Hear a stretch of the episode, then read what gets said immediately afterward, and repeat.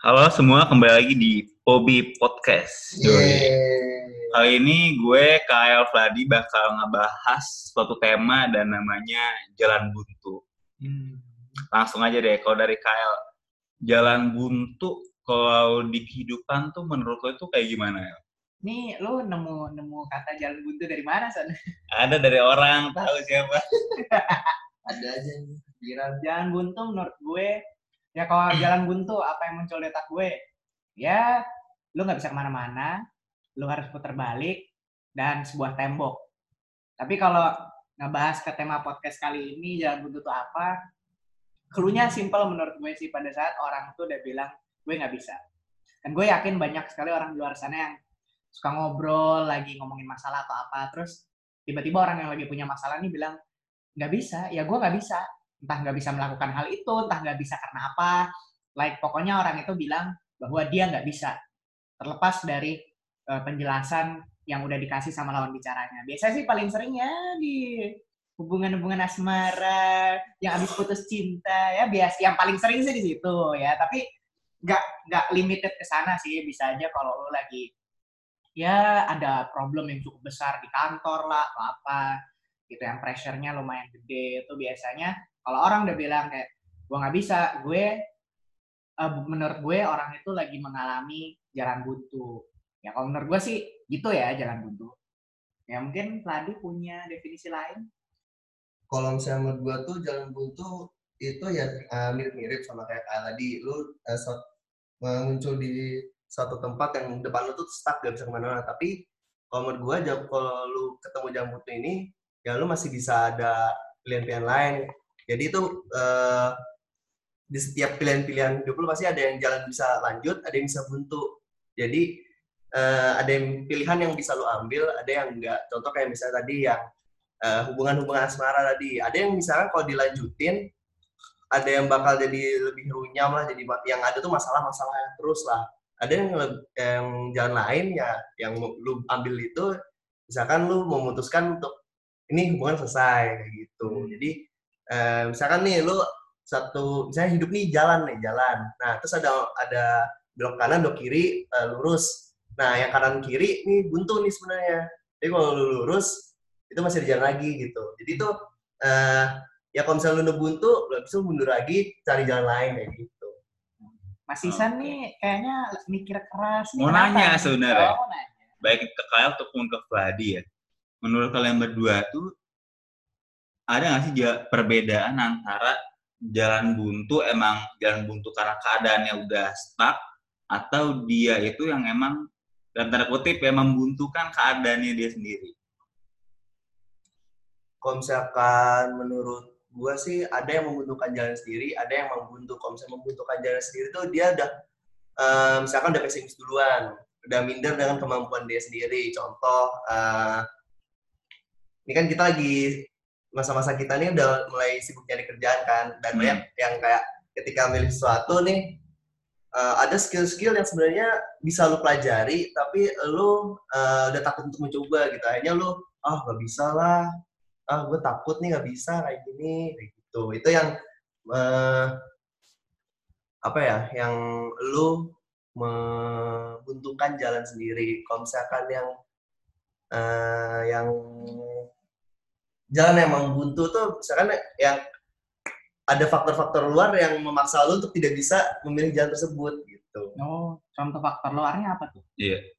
contoh eh, misalkan ekstrim agak ekstrim misalkan lu berhubungan tapi beda agama misalkan Mhm. itu kan sebenarnya eh, dua orang yang saling mencintai tapi ada faktor luar faktor luar yang memaksa lu untuk tidak bisa itu dan ya mau itu agama maksudnya. agama keluarga orang lain dan eh, bisa sih sebenarnya apa dipaksain cuma eh, bisa kedua kemungkinan berujung baik dan semua orang mengerti atau misalkan eh, udah anda melanggar eh, yang anda imani ada yang dan banyak kecaman-kecaman kayak keluarga gitu. Hmm. Kalau lu gimana ya? Kalau gue sih ya kita tidak hidup di dunia yang ideal jadi ya gue akan bilang ada perbedaannya tapi kalaupun lu mau bicara dari segi prinsip Itu gue bisa aja jawab nggak ada. Karena kalau yang tadi dibilang tadi kan ada yang lu tuh dipengaruhi faktor luar sehingga lu nggak punya pilihan. Contoh lu hubungan beda agama. Ya faktor luarnya itu agama dan keluarga. Sebenarnya lu dalam kondisi itu menurut gue sih masih ada pilihan. Sebesar apa pun dan sesulit apa pun pilihan itu tuh sebenarnya ada. Either misalkan di, di case itu lu yang pindah agama atau lu dan keluarga lu pindah agama atau cewek cewek lu atau pasangan lu ini lu paksa buat pindah agama gitu. Jadi either way itu sebenarnya bisa-bisa aja atau ya lu putusin gitu. Jadi uh, pilihan itu menurut gue sih ada, cuman uh, most of the time menurut gue orang tuh sering mematikan dirinya sendiri dalam artian menutup diri atas kemungkinan yang ada. Kenapa gue bilang begini? Karena I think uh, manusia itu pada dasarnya didesain untuk lupa. Lupa akan kapabilitas dia, lupa bahwa dia tuh sebenarnya punya apa aja sih, like uh, orang-orang terdekat lah, resources lah, uang segala macam, didesain untuk lupa. Pada saat apa sih? Pada saat mereka sedang menghadapi pressure yang luar biasa besar atau problem yang luar biasa besar. Jadi menurut gue kenapa orang kalau ngomongin asmara habis putus itu biasanya susah banget dibilang buat move on. Kayak kadang ada yang pasangannya tuh udah brengsek, nggak ada yang dicari, tetap aja gitu masih nempel dan bilang gue nggak bisa gitu, gue nggak bisa move on, gue nggak bisa lupain. Menurut gue sih sebenarnya itu bisa-bisa aja, tapi dia yang menutup diri, menutup diri ini dikarenakan bukan karena emang dia pengen begitu, tapi menurut gue innately itu human didesain untuk lupa di saat seperti itu. Or misalkan pada saat sekarang COVID, di mana orang udah super melarat, miskin, eh, ada yang perusahaannya bangkrut, ada yang susah cari duit segala macem, dan pada akhirnya kayak ya udahlah gue mau bunuh diri aja gitu kayak ya gue udah nggak tahu sekolahin anak gue pakai apa, nyari duit ke mana kayak padahal ya kalau mungkin mau dipikir-pikir, probably masih ada cara-cara kayak lo mungkin maksa minjem duit ke tetangga atau ke saudara lo untuk beli pisang terus lu jualan pisang goreng gitu atau apa ya mungkin sebenarnya ada either itu eh, pilihan kecil ataupun besar tapi ya itu karena dia lagi dihadapkan dengan pressure yang luar biasa besar, di human design yang ada di awal itu yang bikin dia jadi lupa. Akhirnya menutup diri dan bilang, gue nggak bisa. Menurut gue sih itu. Kalau uh, gue mau nanya deh, kan lu bilang manusia itu didesain untuk lupa. Mm-hmm. Nah, sebenarnya ada fungsinya sendiri nggak sih kenapa manusia itu didesain buat lupa? Um, Well, kalau lu nanya ada fungsinya atau eh, enggak? Bentar-bentar ini maksudnya lupa, lupa, lupa kalau ada option lain gitu maksudnya? Iya. Lupa bukan hanya itu, lupa sama kapabilitas dia sendiri juga. Oh. Kayak misalkan okay. uh, eh, orang tuh kadang mungkin seorang direktur perusahaan multinasional gitu, bisa aja lagi dalam immense pressure di masa-masa covid kayak gini. Dan mungkin dia bisa aja meltdown karena dia juga manusia.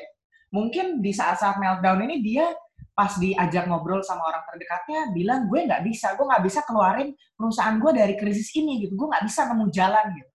Dan itu dia lupa sama sebenarnya dia tuh mampu dia punya kapabilitas banyak pengalaman dan segala macam tuh dia punya. Cuma dia lupa sama itu.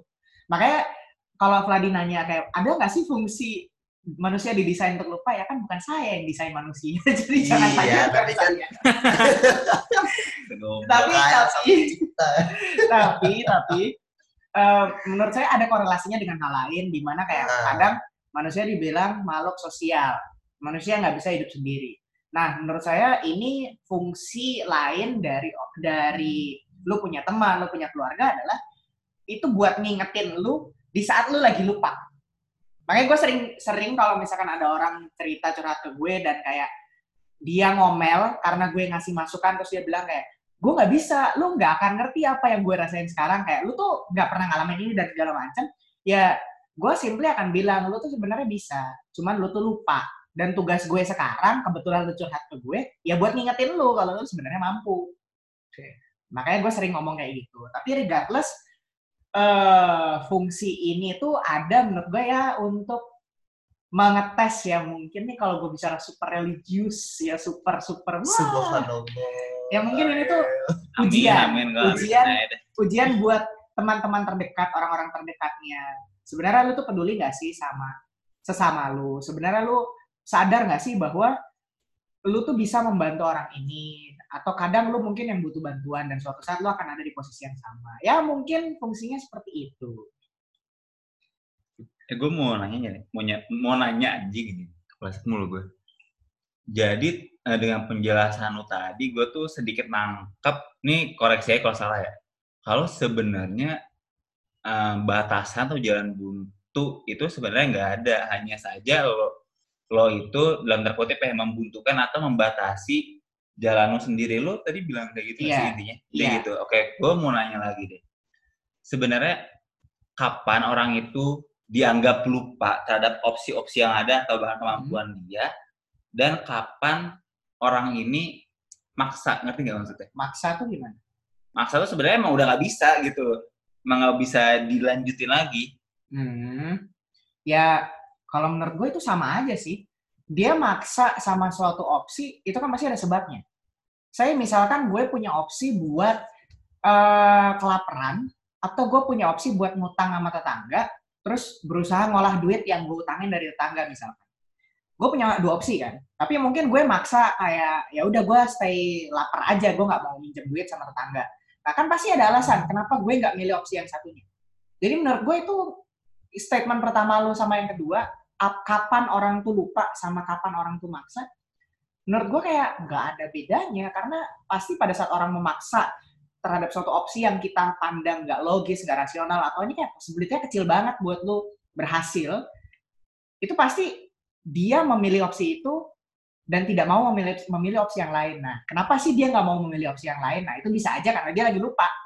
Bisa aja karena dia menganggap bahwa opsi yang ada ini buat dia itu bukan sebuah opsi. For some unknown reason yang kita mungkin nggak tahu. Gitu. Jadi menurut gue kayak ya kayaknya sih susah menjelaskan itu tapi more likely sih nggak ada bedanya. Kalau misalnya menurut lu deh, dan eh, jalan buntu tuh kayak gimana? oke. Sebenarnya kalau menurut gue sih hampir sama kayak lo berdua ya. Gue pakai rujukan aja nih. Jadi gue baca-baca di Wikipedia sama lektur.id sebenarnya jalan buntu tuh sama kayak lo berdua. Jalan yang nggak ada terusannya keadaan yang memaksa pi- suatu pihak untuk berhenti atau masalah yang enggak yang tidak dapat dipecahkan. Sebenarnya sama sih. Hmm. Eh, kalau menurut lu San kan tadi lu bilang definisinya mirip-mirip sama kita. Lu sendiri pernah nggak ngalamin yang namanya jalan buntu? Dibilang pernah sih pernah tapi dalam kondisi waktu tertentu maksudnya nggak sampai sekarang gue punya jalan buntu. Jadi emang suatu saat gue pernah nemu jalan buntu tapi udah terselesaikan. Contoh jalan buntunya itu sebenarnya pas semester 3 contohnya. Semester 3 itu kan masa-masa kehancuran saya tuh kan. Kita Gimana? gimana IP turun rendah dan ada em, berbagai macam masalah. Jadi di situ gue sudah berpikir kalau wah ini mah di biologi gue nggak bisa ngelanjutin lagi. Akhirnya sebenarnya udah ngurus tuh surat pindah dan segala macam. Tapi karena diingatkan oleh keluarga dan teman-teman dekat, belum tentu kalau lu pindah IP lu akan bagus ya. Belum tentu lu pindah nanti apa ya? Intinya belum tentu satu pindah kondisi akan lebih baik. Malah justru kemungkinan besar malah jadi cuman rugi duit doang, rugi duit 20, 22 juta. Kan gue udah dua semester di IPB. Hmm. Kayak gitu sih mungkin kalau jalan buntu di kehidupan gue. Salah satunya. tapi lu keluar dari Enggak. jalan buntu itu Oh ya keluar. caranya Caranya ya udah gue mikir-mikir, oh ya benar juga ya. Gue gue mikir-mikir segala plus minusnya kalau gue keluar kayak gimana. Jalan buntunya ini apa? Lu di Gue nggak bisa lagi di biologi. Oh Itu jalan buntu. lu mau pindah uni Pindah, pindah univ tuh kan. Ah, Tapi ternyata pas gue timbang plus minusnya, gue nanya-nanya sama cutting, akhirnya ya udah gue stay di sini dan alhamdulillah sih ya naik lah IP-nya walaupun 0,1, tapi 0,2. bentar, gue luruskan dulu. Jadi jalan buntunya adalah rasa eh, nggak nyaman lu di bio apa gimana? Bukan gue gak nyaman di bio, gue nggak bisa lah. Kalau gue lanjut di bio, itu sama aja gue apa ya, menyanyiakan waktu gue untuk masa depan yang tidak jelas karena Oke. nilai. Itu jalan buntunya. oke Kondisi di Eh, mana gue nggak bisa memperbaiki nilai akademik lagi. eh, cuman berarti lu kan tadi bilang lu ada nimbang-nimbang, nanya sama cutting. Itu kan berarti lu masih bisa mikir kan? Iya. Tapi ada masanya di mana lu udah udah benar-benar enggak gue nggak bisa lagi di bio, enggak gue mau pindah. Terlepas dari teman lu yang berusaha ngomong apa atau mungkin orang tua keluarga gitu pernah ada masa itu benar-benar enggak nggak bisa Di masa yang pindah dari bio atau kasus lain? di masa yang pindah dari bio Oh, itu masa pernah. Jangan, pernah Ini gue ceritain ya. Gue lagi ujian nih. Biocen ya. Bio biologi cendawan ya. Iya. Gue lagi ujian nih. Gue gak bisa ngisi semuanya. anjing. biodiversitas cendawan Eh, gue di versi cendawan. Kok Iya. biologi cendawan sih? ya lu nggak bisa ngisi semuanya Semuanya gak bisa. Gue gak bisa ngisi semuanya anjir. Sama. terus terus terus Terus udah kan. Udah tuh ujian tuh. Gue pulang nangis anjir. Minta pindah anjir. Nah di situ tuh gue mikir kayak, wah ini nggak bisa selamatin lagi nih biocen aja. Gue kayak gini gimana ujian-ujian Oh. lain. Nah itu gue mikir kayak, ah udahlah satu-satunya jalan tuh udah pindah aja lah gitu. ya tapi di masa itu ada tuh yang kayak berusaha Oh iya satu lagi, satu lagi, satu lagi. Gue tuh berpikir kayak gitu karena uh, culture anjay, culture di keluarga gue itu sebenarnya IP, IPK, IPK tuh nggak boleh buat tiga. Kalau buat tiga, ah, udahlah lu susah gitu pindah aja. Itu tuh apa ya? Culture di keluarga gue tuh kayak gitu soalnya. Jadi pas gue dapat, sumpah gue seumur hidup ngeblank pas itu doang anjir. Tuh, tuh hari di mana sial banget, gue gak bisa ngisi kan udah akhirnya nangis udah ngomong gue pindah Ima salah satu jalan keluar pindah kayak gitu hmm. itu buntu banget tuh hari anjir Oke oke oke. Eh, Pladi mungkin Pladi punya similar experience kan? Eh, s- pernah sih gua tuh pas hmm. Sebenarnya dibilang buntu juga enggak sih, cuma eh, kayak sama kayak Anda di biologi, cuma saya pas awal-awal, lebih awal lagi. di, di PPKU Iya, buset saya kan IPK jelek di PPKU, Mas. oh iya Nah, iya jadi tuh gue kan awalnya mikir kayak di biologi tuh ngapain gitu, apalagi dengan tekanan-tekanan dari dari orang-orang terdekat, nggak ter- bukan yang bukan keluarga sih, tapi orang-orang terdekat. Nah, kayak lu mau jadi apa lu bangkir gimana? Sebenarnya nggak ada yang ada yang bangkir dengan teller Bentar, atau apa? bentar. Bangkir tuh apa ya? Banker, Bang, banker, Oh, banker. banker, banker. Kan bahasa Indonesia bang. Kerja di bank maksudnya. Iya, tapi sih nggak ada yang salah. Cuma maksudnya kayak lu membuang empat tahun lu untuk sesuatu yang sebenarnya lu bisa pelajari di tempat lain gitu. Hmm. Nah, itu pas awal-awal jadi pas SBM tuh, gue inget banget. Eh, jadi kan lagi nunggu-nunggu hasil kan, Iya. terus eh, gue pakai ini teman gue tuh, coba tolong liatin soalnya penuh crowded banget kan servernya, Wah, gitu kan, dapet Vladi di departemen biologi PB.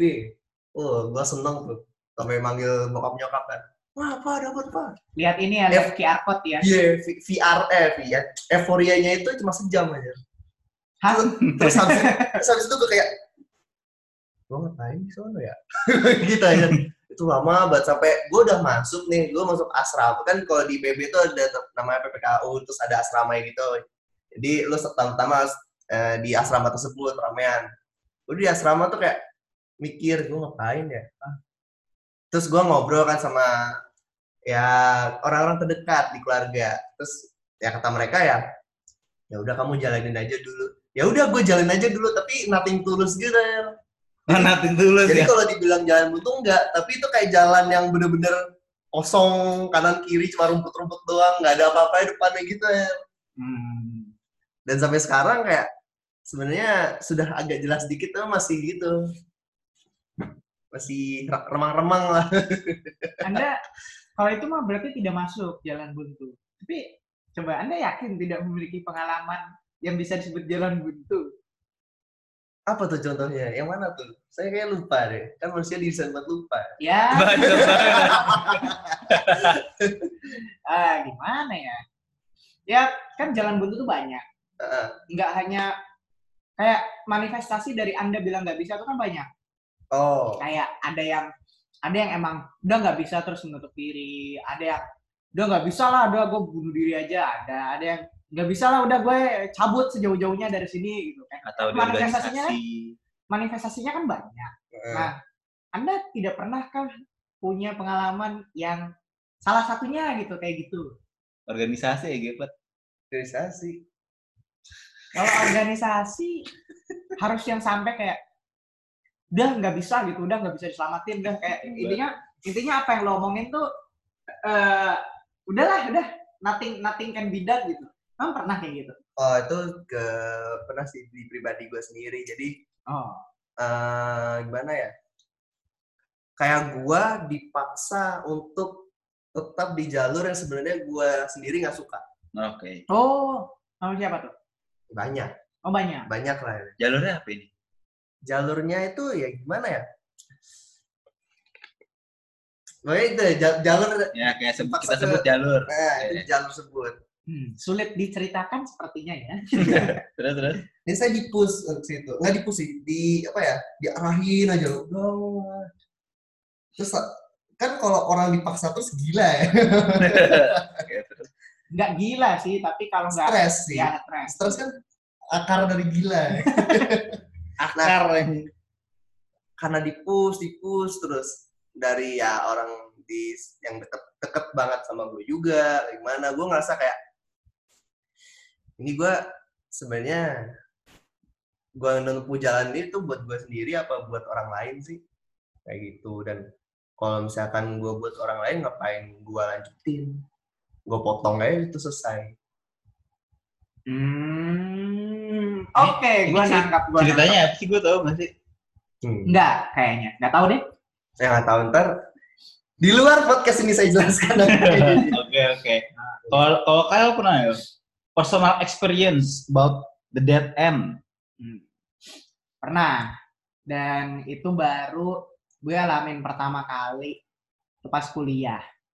Dan kayak gue tahu ini sangat bodoh dan sangat tidak signifikan dan sangat tidak penting. Ya, tapi, tahu ya, tapi Ya ini apalagi mau diceritain anjir. hubungan hubungannya sih dengan dengan kisah asmara lain. Oke. Ini di mana kayak gue tuh udah benar-benar mata gue tuh benar tertutup, benar-benar gak Kacam- bisa. kacamata kuda gitu ya? Cinta Iya. nggak bisa. Pokoknya pokoknya kayak eh, gue nggak bisa nggak bisa move on gue nggak bisa ke mana-mana. Pokoknya there is nothing I can do gitu. Pada saat orang tuh banyak yang ngasih gue masukan kayak lu tuh ngapain sih masih kayak gini? Kayak ini ini ceritanya panjang sih sebenarnya. Tapi pada intinya ya pada intinya tuh gue udah bener-bener kayak dikasih saran banyak sama orang. Kayak this is not worth it gitu untuk lo kayak gitu. Tapi gue tetap bilang kayak nggak bisa nggak bisa banget. Dan itu berlangsung cukup lama.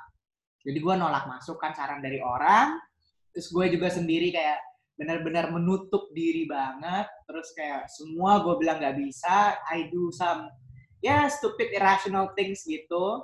Dan pada akhirnya gue setelah melalui itu baru gue sadar dan muncul di otak gue kalimat yang tadi gue bilang bahwa manusia itu sebenarnya didesain untuk lupa. Karena gue sadar dulu waktu masih SMA itu gue sering banget ngebodoh-bodohin temen gue yang kayak punya masalah-masalah asmara. Yang kayak ya zaman dulu kan kadang- tuh gue bertanya-tanya ya.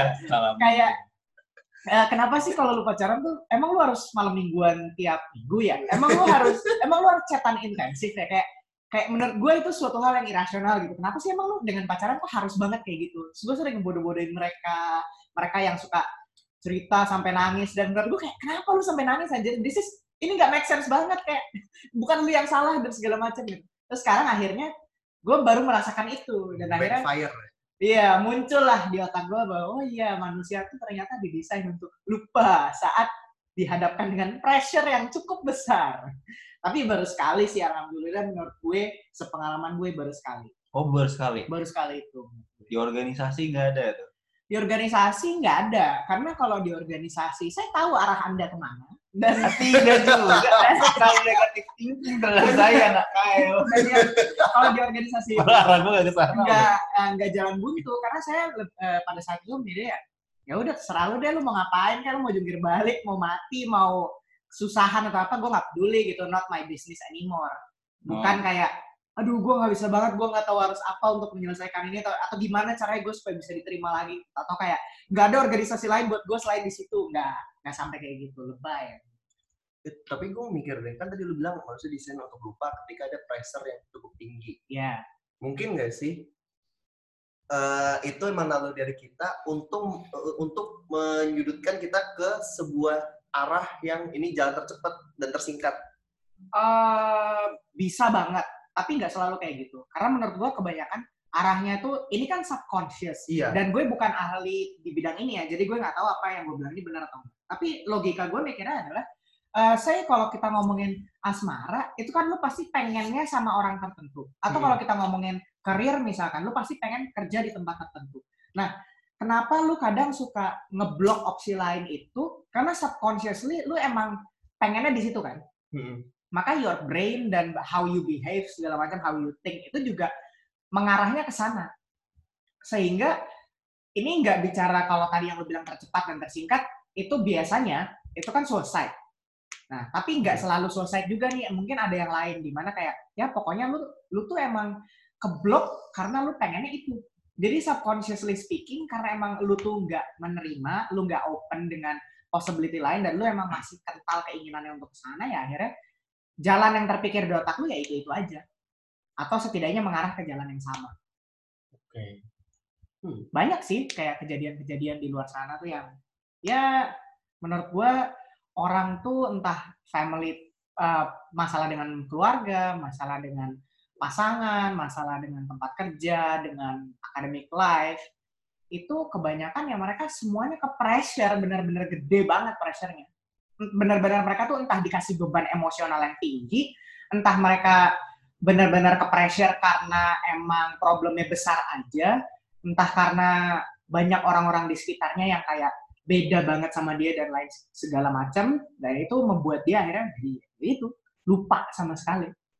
Karena menurut gue sih kalau bisa aja gue bilang principally speaking, lu tuh selalu punya opsi dalam hidup, selalu ada. Berarti lu nggak lu menganggap kalau jalan buntu itu sebenarnya nggak ada? Nggak, jalan buntu yang dari lingkungan sebenarnya lebih tepatnya. Hmm, itu nggak ada.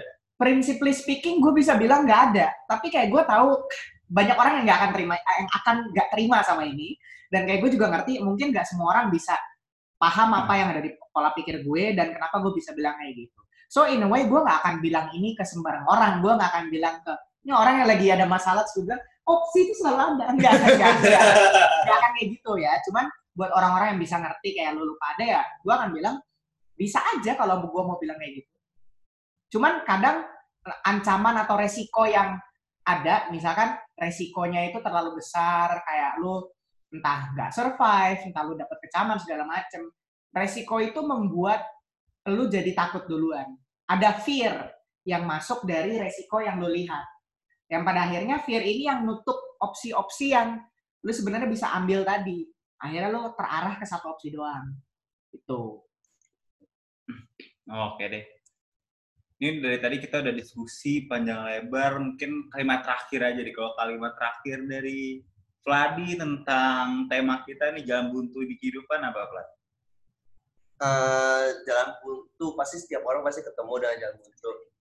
Nah, uh, cuma jalan buntu tuh mau terobos terus atau mau lu cari cabang lain, nah itu ke, kembali ke lu sendiri. Lu yang tahu resikonya, lu yang tahu rewardnya apa. Jadi, uh, kalau misalnya kayak bilang tadi selalu ada opsi, sebenarnya iya. Cuma mungkin resikonya ada yang orang itu bisa tanggung, ada yang nggak bisa. Itu membuat jalan buntu tuh ada sendiri menurut gua ya kalau menurut lo san gimana oh menurut gua jalan buntu ada tapi instead of gue menjelaskan jalan buntu itu apa lagi gue pengen kayak gini sih. Kalau lu atau kita nih nemu jalan buntu menurut gue ya hal terbaik yang harus dilakukan adalah lu stop dulu.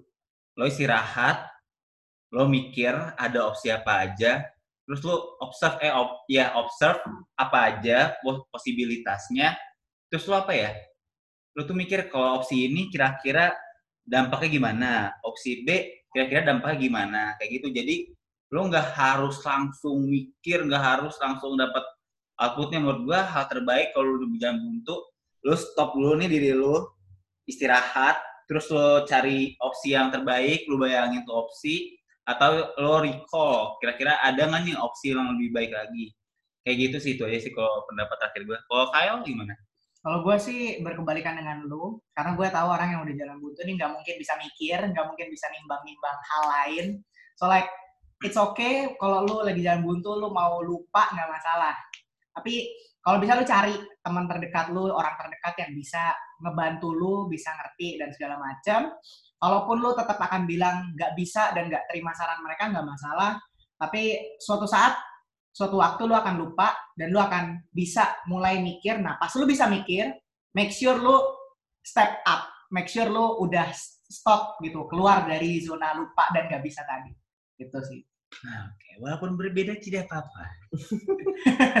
Oke, sekian podcast dari kita. Kalau Iya. ada salah-salah ya maaf lah, namanya juga masih mahasiswa ya kan. Jangan lupa kalau misalkan kalian pengen join podcast kita atau punya tema yang pengen kita bahas, bisa banget di email ke hobbypodcast at gmail.com atau DM Instagram kita bertiga. Kita akan pasti kita pasti baca dan kita akan pertimbangkan. So, see you on the next episode. Salam masyarakat. Yeay. Goodbye.